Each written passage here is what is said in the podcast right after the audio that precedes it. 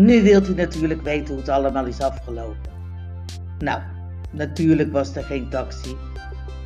Gelukkig hadden we er zelf een georganiseerd, zodat we toch uiteindelijk op tijd op het vliegveld waren.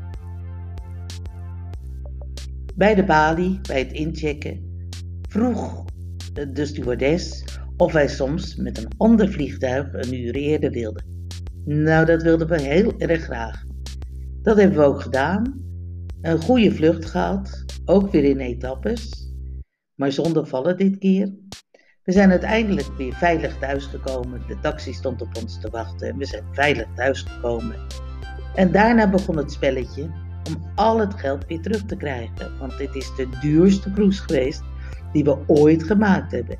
Ten eerste was het al een dure cruise. En alles wat er nog bijgekomen is aan uh, onvoorziene zaken, zoals het hotel in Sunion, zoals uh, alle kosten die we daar gemaakt hebben, een wijntje erbij. We waren natuurlijk ook nog in Noosa een weekje. We hebben uh, zoveel moeten betalen. Het was verschrikkelijk. Ik geloof dat we alleen al 200 gulden extra moesten betalen voor alle telefoontjes. Uiteindelijk hebben we er niets van teruggekregen. Want in tegenstelling tot wat er gezegd wordt, heb je dan wel je vluchten gehad. Die heb je gehad.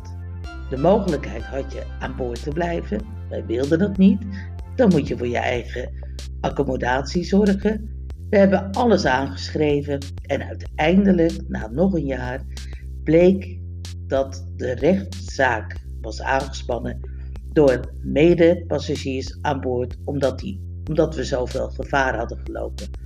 En werden we opgeroepen voor een interrogare, interrogatoire, ja, dat een moeilijk woord, commissie om te vertellen wat er nou precies allemaal gebeurd was. Het was erg, het was vreselijk. Het heeft heel lang geduurd voordat we eindelijk weer er met droge ogen over konden praten. Maar het is, uh, het is voorbij en vandaar dat hij nu in de podcast staat. Daarna hebben we gelukkig nog heel veel mooie cruisen gemaakt. En uh, is het leed een beetje verzacht.